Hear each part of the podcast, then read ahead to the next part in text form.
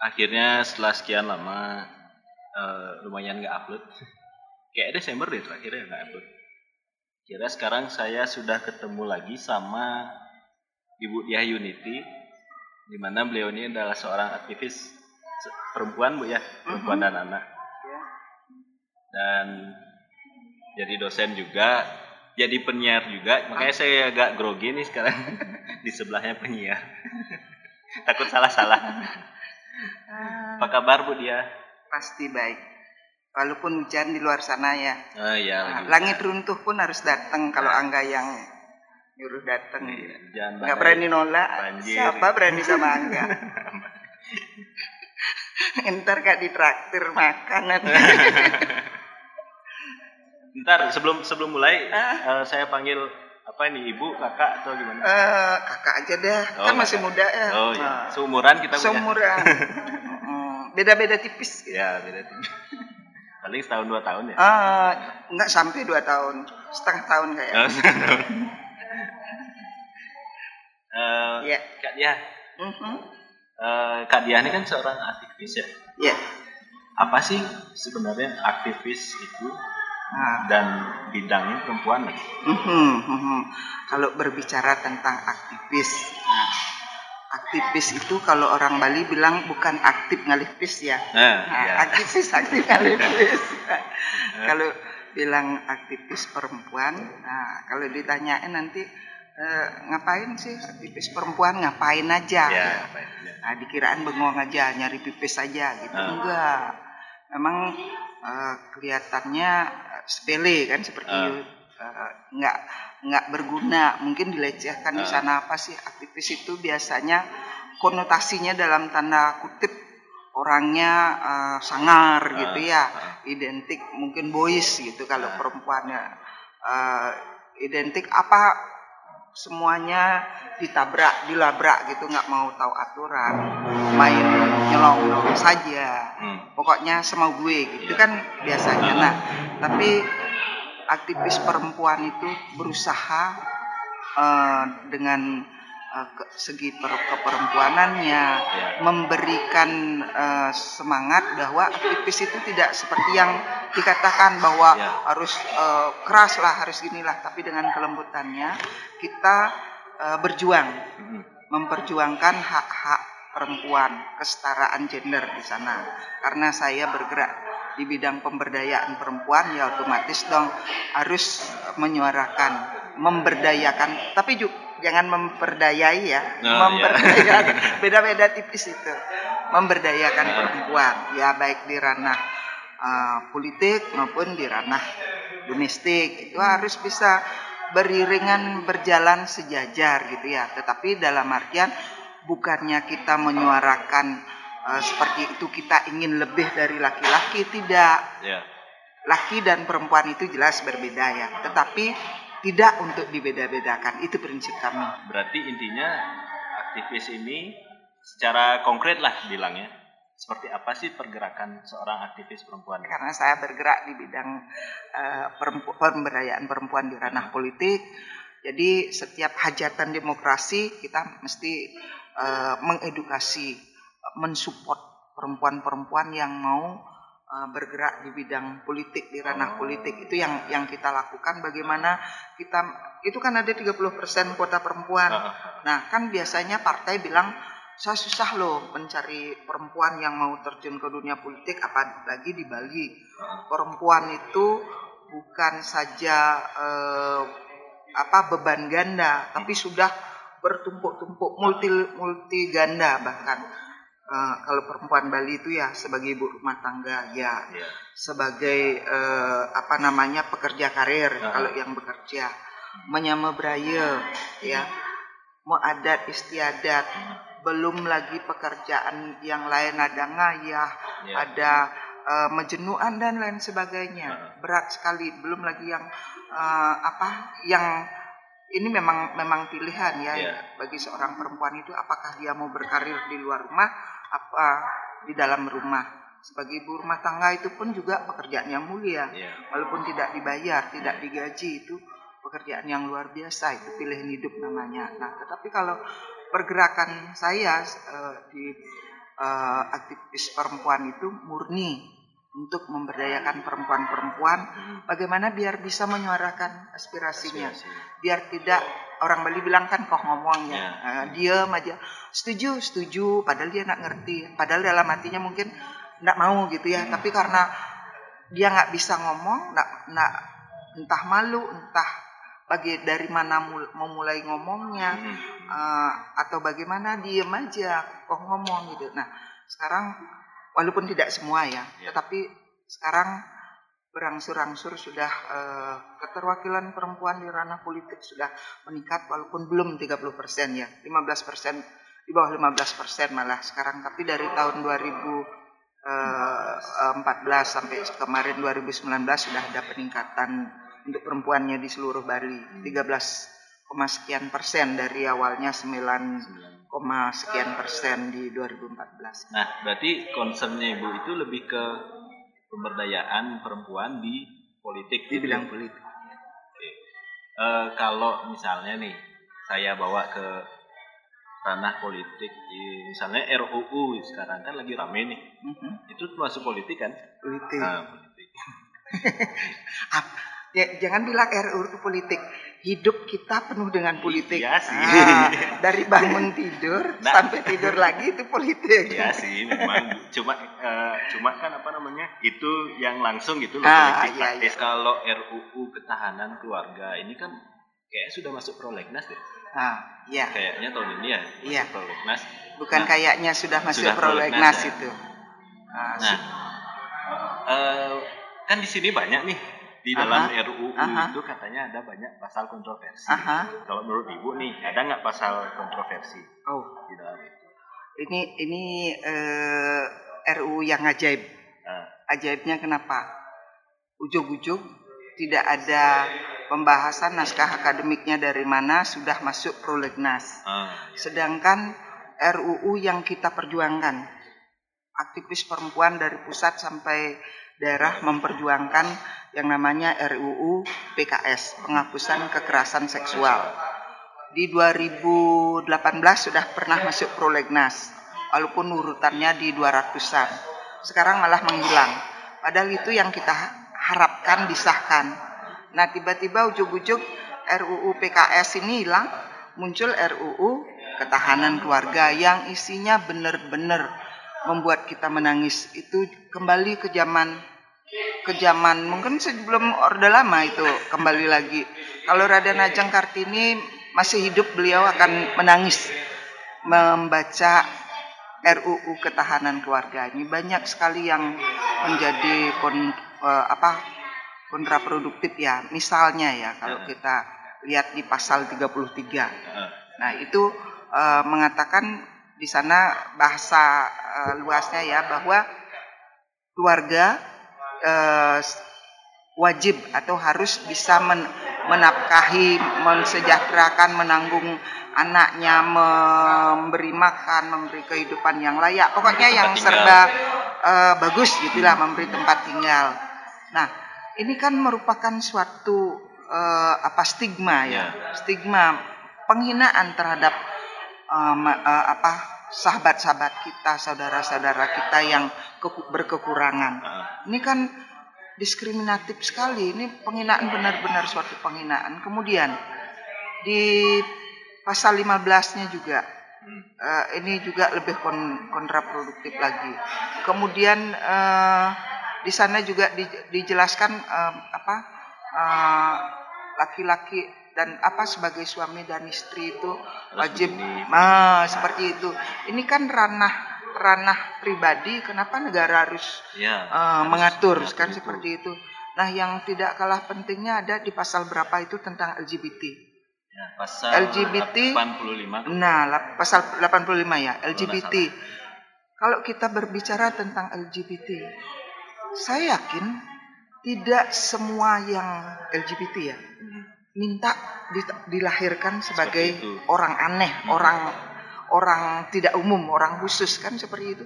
Siapa yang mau minta? Enggak. Dari hati kecilnya pasti mereka ingin menuntut kenapa sih saya tidak seperti orang-orang kebanyakan. Ya. Saya kan harus normal juga kan seperti itu. Enggak ada yang mau minta. menjadi orang yang berbeda, tapi kenapa harus uh, dilaporkan? Terus ada lagi kalau misalnya untuk mendapatkan keturunan dengan menggunakan uh, apa mungkin uh, menggunakan rahim orang gitu, itu nggak boleh. Katanya itu juga suatu apa namanya suatu tindakan pidana yang bisa dihukum.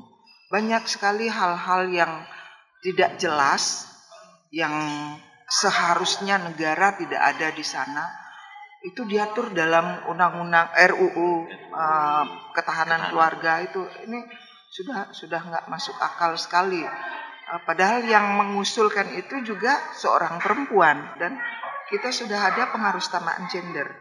Dari pemerintah presiden sendiri pun sudah mengeluarkan bahwa ada pengarustamaan gender ini pemberdayaan perempuan ini. Bahkan sekarang semua lini harus ada perempuannya. Ya. dari tingkat bawah sampai ke atas. Apa pun itu harus ada perempuannya. Nah kenapa sekarang tiba-tiba ada aturan seperti ini? Ini yang yang tidak masuk akal. Mudah-mudahan RUU ini tidak berlanjut uh, ditutup tidak diputak atik lagi. Lebih bagus RUU PKS diselesaikan ketok palu. Nah kalau tadi ibu sendiri bilang bahwa pengusulnya pun perempuan uh -huh. kan rugi itu ada keterwakilan perempuan di iya. pusat nah, kan? Nah, ini yang yang uh, kita pikir dari awal dari dari sebelum saya terjun uh, sebagai aktivis juga. Kita hanya memikirkan keterwakilan 30% ya. kota perempuan. Uh. Masalah uh, isi otak mungkin itu bisa diisi di perjalanan waktu kan gitu keinginan kita. Ya. Tetapi ternyata banyak perempuan. Nah, karena sesuatu dan lain hal dalam karena kutip sering sekali kami dalam suatu uh, apa ya uh, katakanlah pelatihan calon calon-calon legislatif itu kita sudah punya orang kira-kira dari segi uh, apa namanya kemampuan oke okay, yeah. bisa masuk anak orang ini.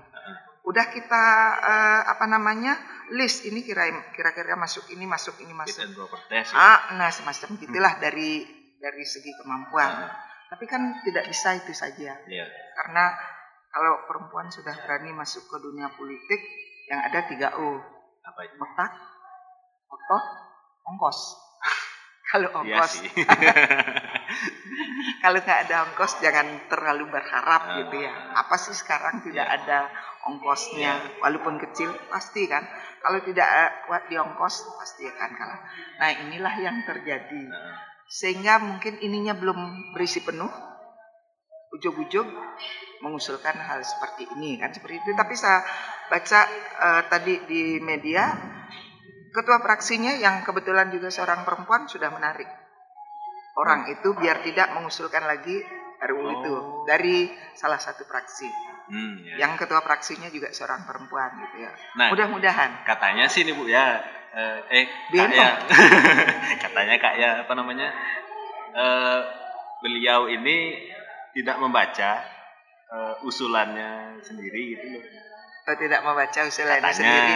Ya, ya itu kan katanya ya tapi apa pun itu buktinya fakta kan dia sudah mengusulkan ya. RUU ini. Apa pun alasan kan bisa saja dibuat ya. tapi kenyataan fakta yang berbicara nah, bukti itu maksud yang saya harusnya kalau dia memang mengusulkan kan dia dulu yang ini tahu yang lah membaca yang yang apa-apanya seharusnya seharusnya itu yang dilakukan apalagi seorang perempuan ya. Ya. memperjuangkan hak-hak perempuan harus sesuai dengan koridornya. Apa sih yang harusnya diperjuangkan?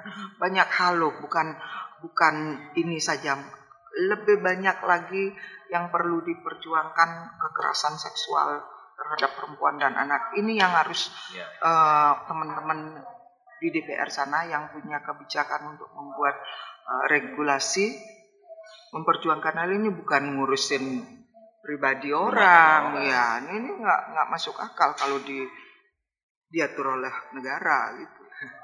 Nah, contohnya nih kan salah satu pasal pasal 25 uh -huh. Uh, ada diatur kewajiban istri dalam rumah tangga. -huh. Wajib mengatur urusan rumah tangga sebaik-baiknya uh, yang B menjaga keutuhan keluarga, uh-huh. yang C memenuhi hak suami dan anak sesuai norma agama, mm -hmm. etika sosial dan ketentuan peraturan undang-undangan. Ini kan kalau menurut saya nih, semisal keluarganya terjadi sesuatu atau yeah. gimana gimana, berarti ini kan jadi tanggung jawab istri kan? Iya.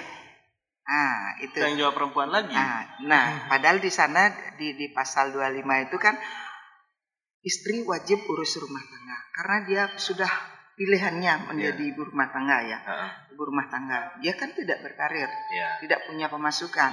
Artinya kalau terjadi sesuatu seperti tadi, dia kan sebagai kepala keluarga apa yang harus uh, diberikan kepada anaknya -huh. untuk memberi penghidupan anaknya kan nggak bisa. Yeah. Nah ini ini lagi yang uh, tidak bisa jatuhnya takutnya kan. jatuhnya nanti salah-salahan di undang-undang kan istri yang harus nah makanya gini. makanya kita kok tolak ini yeah. gitu loh sebaiknya tidak usah lagi dilihat langsung aja tidak uh, usah dibahas lagi oh, berarti langsung tolak aja langsung tolak aja baru lihat aja udah tolak nggak nggak usah nggak usah dibahas lagi gitu nggak ada gunanya nggak berguna ada uh, pernyataan yang agak ini kemarin sih dari Pak Muhajir Effendi sebelum berkeluarga ini mereka harus mencari yang yang pokoknya yang miskin harus menikah dengan orang kaya. Yang kaya. Yang kaya menikah dengan miskin. Nah.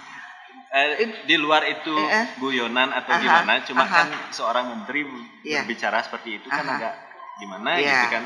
Nah, ini inilah sebagai seorang pejabat publik kan harus hati-hati yeah. memberikan suatu pernyataan walaupun itu mungkin maksudnya bercanda ya, tapi kalau melihat uh, isi RU ini kan seolah-olah menginginkan biar bisa memberi penghidupan yang layak kepada anak dan istri carilah suami yang kaya. Nah terus yang miskin dibawa ke mana? ya mudah-mudahan itu hanya uh, apa? Ya sebatas uh, intermisu lah. uh, uh, uh, sinisme kalau ya. bahasa uh, apa peribahasa kok peribahasa bahasa Indonesia karena sudah sudah saking jengkelnya barangkali nyindir seperti itu. Jadi kita semua yang perempuan cari aja laki-laki yang kaya semua. Emangnya laki-laki semua kaya? Enggak kan? Banyak ya, juga yang juga kan kriteria kaya itu dari mana ya. gitu dulu. Kaya bapaknya, kaya kekayaan itu kan tidak abadi. Ya. Kekayaan itu hanya titipan Tuhan.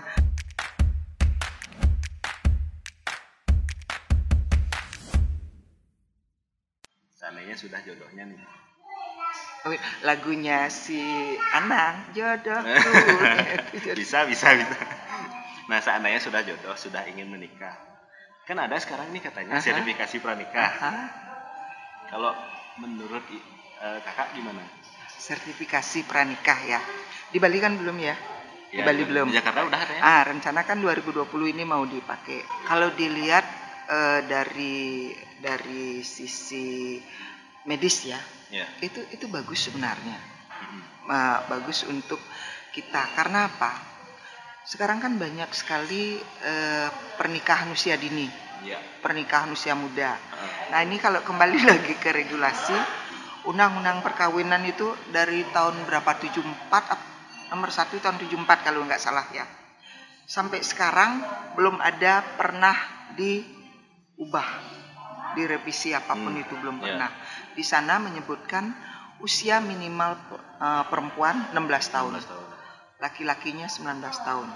Sedangkan di Undang-Undang Nomor 23 tentang uh, perlindungan anak itu usia uh, apa uh, perempuan eh, apa usia anak-anak itu adalah dari semenjak dalam kandungan sampai 18 tahun. Ini kan kontradiktif ya. ya antara undang-undang satu dengan undang-undang yang lain. Nah, karena ini perkawinan tentunya kita harus mengacu pada undang-undang perkawinan 16 tahun sudah boleh menikah.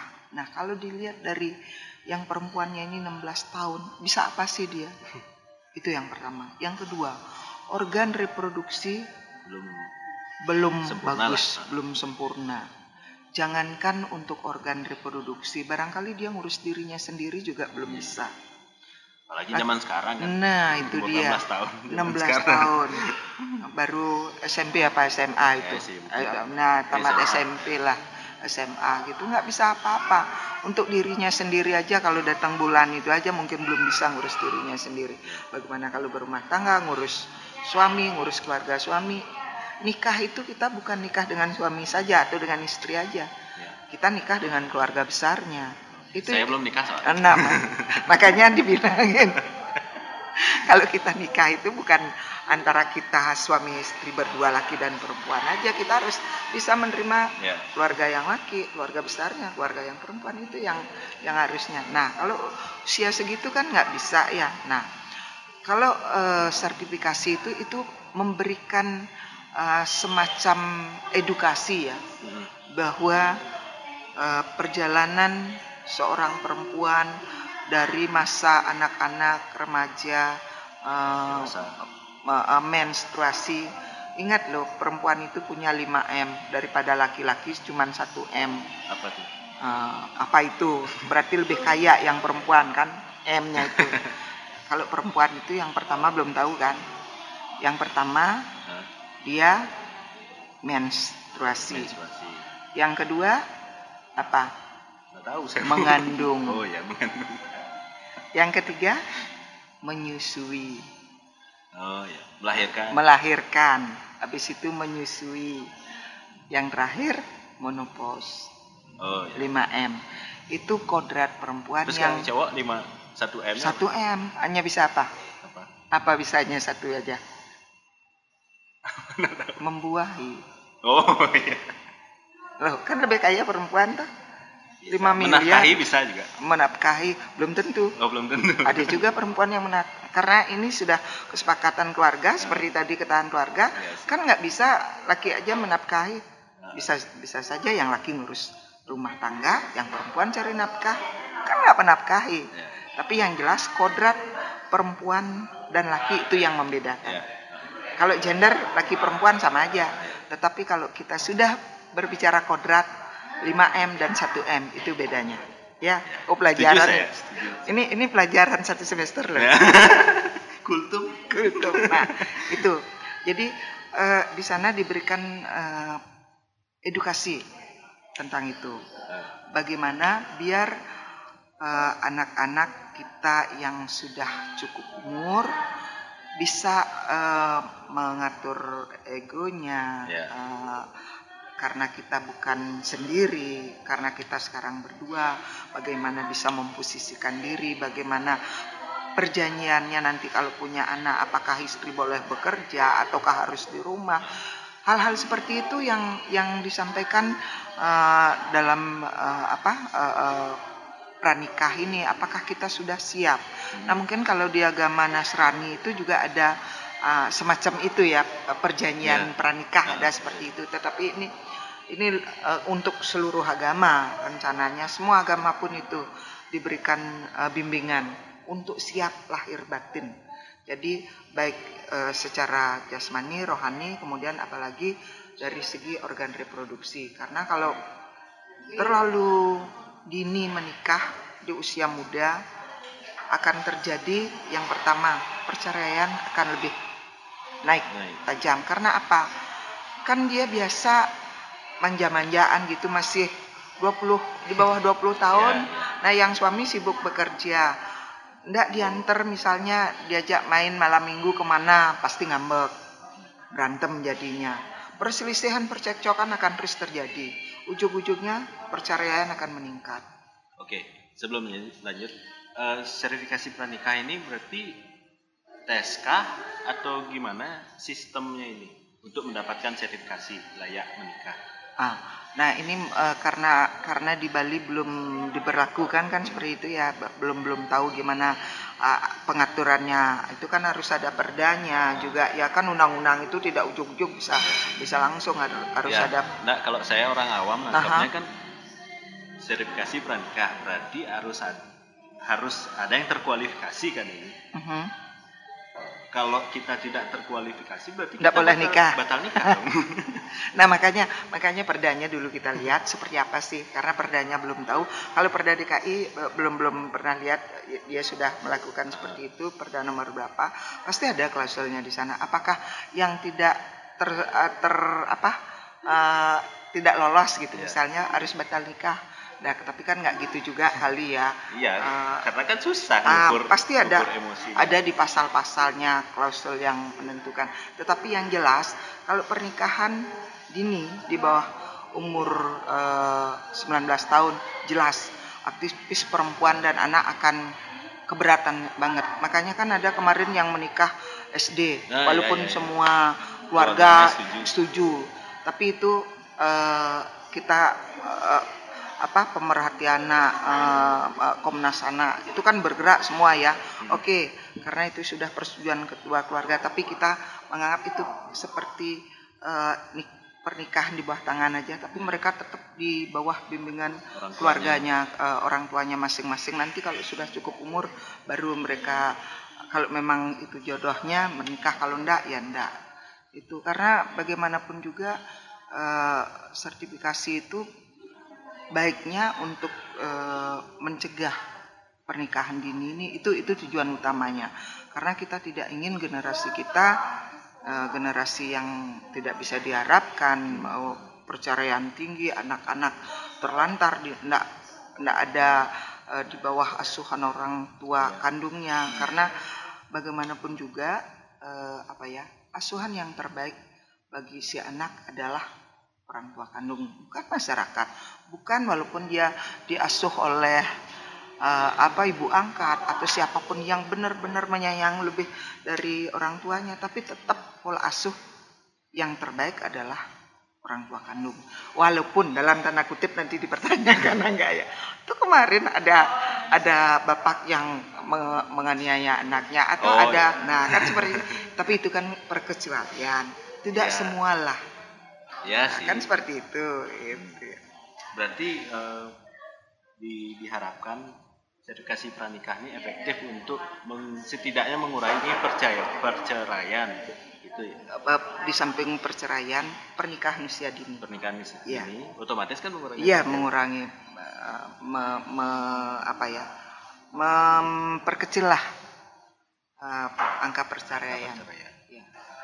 Kalau menurut ibu, uh, menurut kakak efektif nggak sih sertifikasi pernikahan itu kalau tujuannya untuk itu? Kalau tujuannya untuk itu bagus, hmm. bagus banget. Paling tidak dengan adanya uh, sertifikasi ini eh, anak-anak kita lebih lebih apa ya, lebih fokus lah bahwa uh, membentuk suatu mahaligai rumah tangga itu tidak seperti membalik telapak tangan.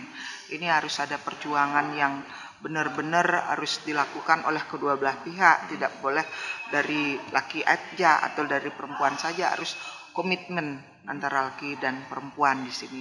Yang namanya menuju pernikahan kalau bisa dilakukan satu kali seumur hidup yang katanya sakral ini ya ini ini tujuannya. Ya. Itu sih harapan harapan kita mudah-mudahan memang memang seperti itu. Um, perdanya nanti yang kalau muncul di Bali itulah tapi saya saya sih bukannya saya gimana pesimis atau gimana. Cuma melihat dari pengalaman-pengalaman sebelumnya suatu peraturan itu biasanya untuk dilanggar untuk dilanggar nah kar karena apa? Yang buat aturan itu kan juga manusia. Yeah. pasti ada celah. Orang hukum pasti tahu itu. Uh, sayang saya nggak bukan orang hukum.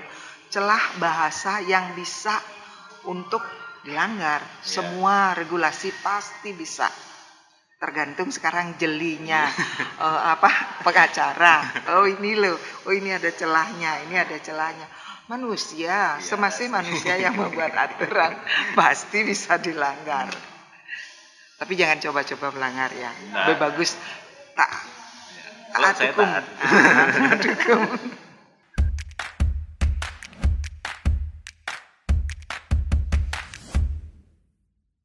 kan banyak pasti permasalahan di Bali utamanya uh-huh. entah pelecehan seksual, kekerasan anak, misalnya uh-huh. kekerasan perempuan gitu misalnya.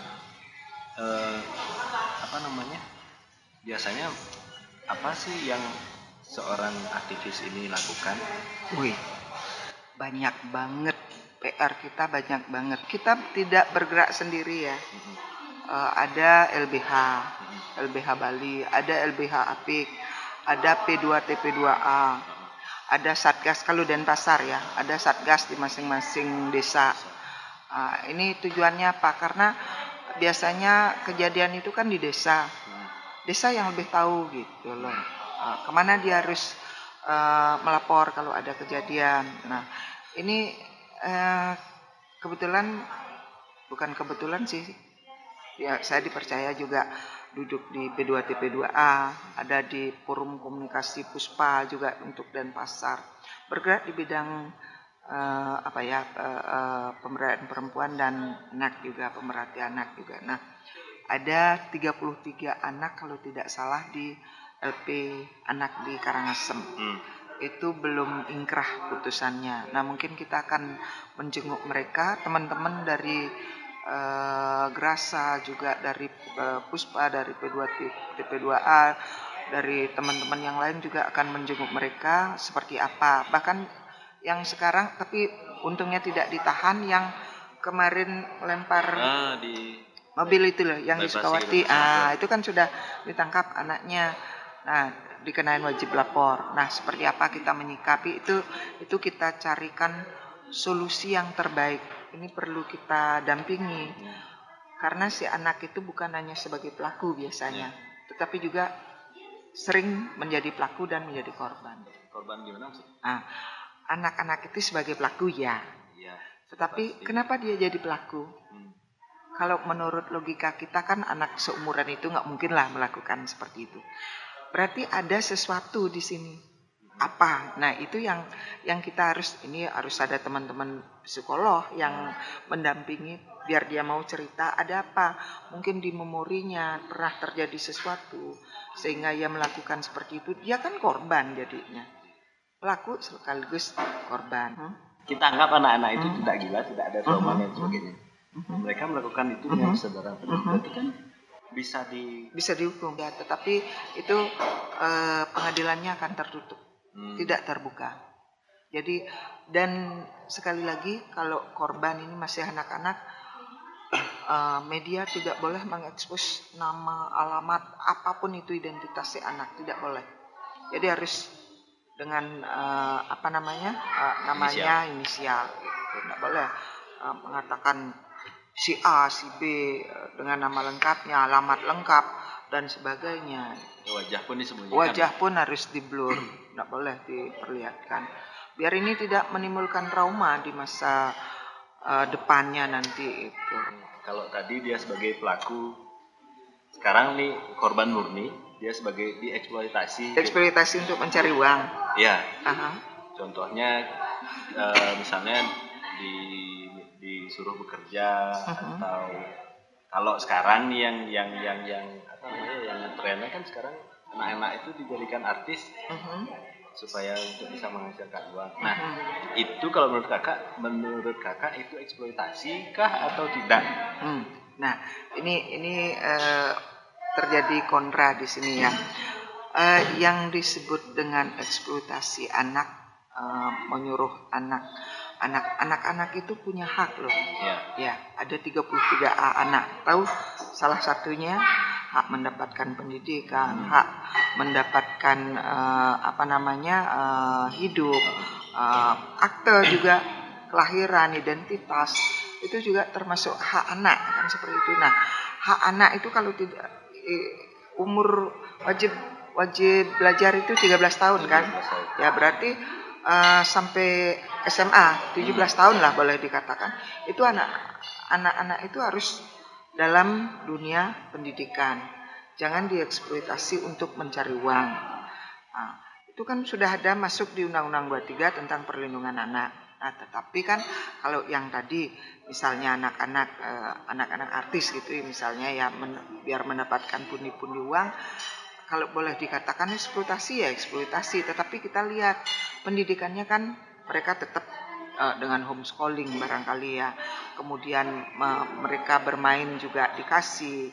Uh, jadi waktunya antara artis misalnya syuting atau apa itu ada sudah diminit lah. Mereka kan punya manajer hmm. sudah diatur namanya anak-anak. Masa bermainnya kan harus ya, harus jangan hilang ya. ya pokoknya masa bermainnya harus ada makanya jangankan yang jadi artis. Anak-anak yang tidak dieksploitasi pun dieksploitasi apa? Dicarikan guru privat sama orang tuanya. Tidak ada waktu untuk bermain. Itu hmm. eksploitasi hmm. juga. Apalagi sekarang ya. Uh, apa namanya? Sekarang kan masih TK pun sudah les kan nah itu dia. Padahal aturannya kan TK itu di di sekolah TK tidak boleh diajarkan berhitung tidak boleh diajarkan membaca. Nah. tetapi kontra, Sebelum, kontra lagi di SD baru penerimaan SD harus bisa baca, baca. Harus bisa hitung. Nah ini ke mana? Saya udah nanya pernah nanya sama ketua uh, apa IGTK kan tidak boleh di TK ngajarin tulis uh, baca tulis. Tapi kalau tidak mereka ngajarin mereka tidak ada yang nerima di SD nah ya. kan serba susah mereka ini yang aturan yang tidak punya sanksinya masih abu-abu. Ini kalau sudah ditegakkan memang di TK tidak boleh baca hitung ya di SD jangan dituntut ya, baru masuk. Harus Ada seleksi bisa. tertulis kan, ya. harus bisa nulis, harus bisa ngitung. Itu jangan dong ada itu. Eh, mudah-mudahan Mas Mas Menteri oh, ya. bisa melihat, uh, bisa bisa nonton kali ya Mas Menterinya bahwa terjadi seperti itu di tingkat pendidikan dasar. Iya, takutnya nanti mereka kalau sudah ini kelas 6 SD juga udah bosan belajar gitu. Bosan. bosan, nggak usah dijejali anak SD itu les les les gitu. Saya punya anak mau apa silahkan belajar ada waktunya. Dia yang nanti akan bawa. Dapat matematika 4 belum tentu hidupnya dia akan berkutik dengan matematika aja di kehidupan depan. Ya kan, siapa ya. tahu olahraganya bagus, seninya nah, bagus kan gitu. Berprestasi tidak hanya akademis saja ya. prestasinya kan otak kiri otak kanan berbeda. Nah. Terjadi banyak uh, kenakalan pada anak-anak, nah. kekerasan pada anak-anak. Banyak sekali kasus terjadi pada anak-anak. Kemarin juga di di luar Bali ini ya, kakak kelasnya kelas 4 SD memperkosa adik kelasnya kelas 2 SD. Apa umur segitu sudah mulai ini ya? Uh, akil balik uh, gitu ya. Nah, itu itu dari mana? Itu yang yang yang perlu kita tahu lebih dalam karena apa? Anak-anak itu kalau kita ngomong dia bukan sebagai anak pendengar. Anak-anak itu adalah anak peniru. Ya. Apa yang kita lakukan orang tua lakukan. Anak-anak persis itu yang dilakukan. Ya. Nah, nyambung soal itu berarti kan diperlukannya ada sosialisasi mungkin atau apa gitu tentang seks edukasi. Ah. Kalau menurut kakak itu efektif kan seksi uh, sosialisasi seksualitas itu uh. perlu banget kan dari uh, sudah ada wacana ya dari mungkin 10 tahun yang lalu sudah ada wacana dari Kementeri Kementerian Pendidikan uh, dasar. Perlu ada kurikulum tentang seks edukasi di sekolah-sekolah. Karena seks ini sekarang bukan bukan masalah tabu. Bahkan saya punya teman uh, psikolog. Kalau kita memberi sosialisasi ke anak-anak SD, anak-anak TK, SD, kita nggak nutup-nutupi lagi, hmm. tidak menggunakan contoh-contoh. Oh. Misalnya, kamu tidak boleh dipegang oleh siapa pun juga, oh. apalagi lawan jenis. Susu, tengkuk, pantat. Nah, yang yang ada lima titik kalau tidak salah, yang orang lain tidak berhak memegang, menyentuh. Orang tua pun apalagi bapak nggak boleh. Kita langsung ngomong gitu. Tidak boleh kita ininya loh ini ininya. Nggak boleh kita oh, bilang gitu. lebih, terbuka lebih ya? terbuka lagi kita memberikan sosialisasi. Susu itu untuk apa? Bla bla bla bla. Ya. alat kelamin itu nggak boleh. Ya, yang laki kita juga laki perempuan kita ya. kasih tahu. Jangan menggunakan kode-kode lagi langsung. Hmm. bahwa alat kelamin perempuan itu seperti ini alat kelamin laki itu seperti ini.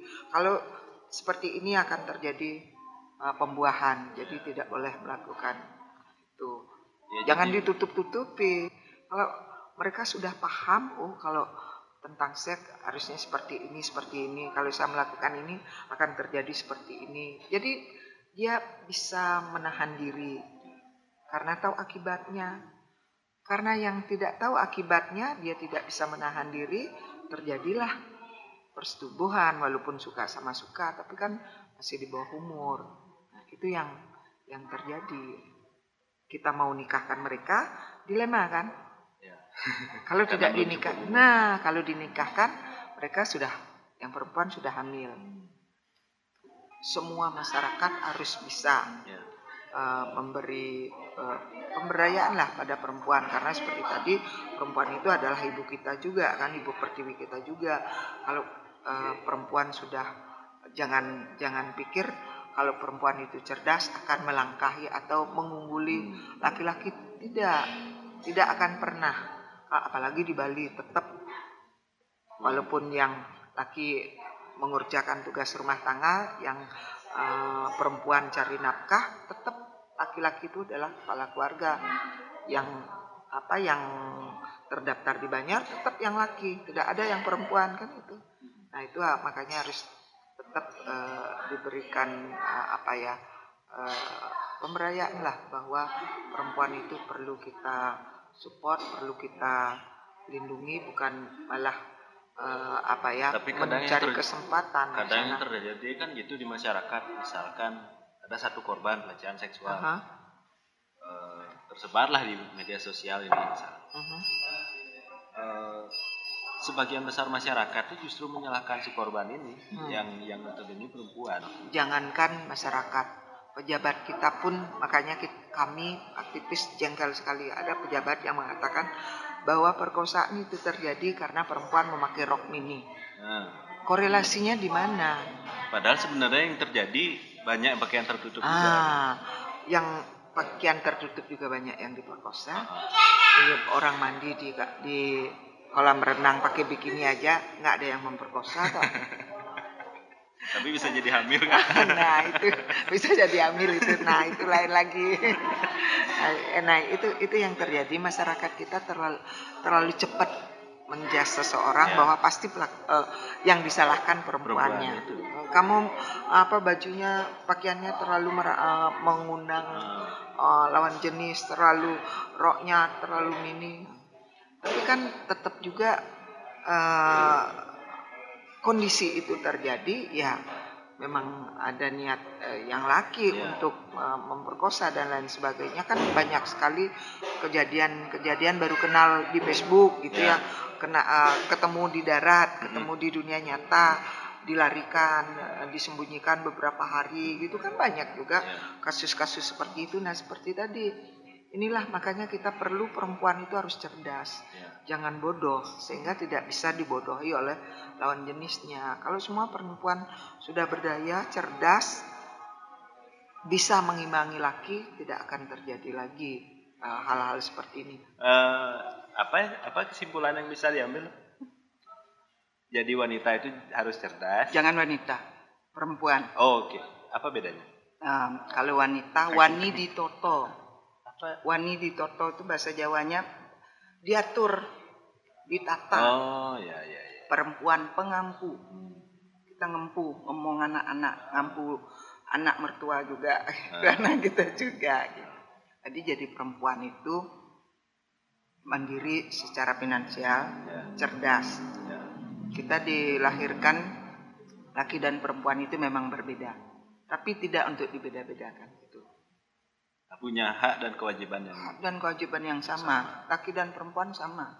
Perjuangan Ibu Kartini sekian tahun harus tetap apalagi ada pengaruh tamaan gender. Ya. Itu pemerintah sudah mengakui kok. Jadi tinggal kita aja sebagai seorang perempuan bagaimana bisa berlaku berperilaku yang sejalan, serasi, selaras, beriringan dengan laki-laki. Mungkin segitu aja dulu Kak ya. Perbincangan kita okay. malam hari ini. Padahal uh, masih ingin cuap-cuap. Oh, biasa gitu penyiar mungkin ya. Oh ya bisa, lagi, dideng lagi, bisa lagi, didengerin hari Senin tiap hari, hari Senin. Tiap hari Senin uh, harus didengarkan jam, jam. RRI Pro 1 jam 4 sampai jam 5. Interaktif. Boleh nanya apa pun. Ya, kalau kalau saya selalu dengerin. Uh, jangan dengerin aja. Masuk langsung uh, di nomor 0361 222 161.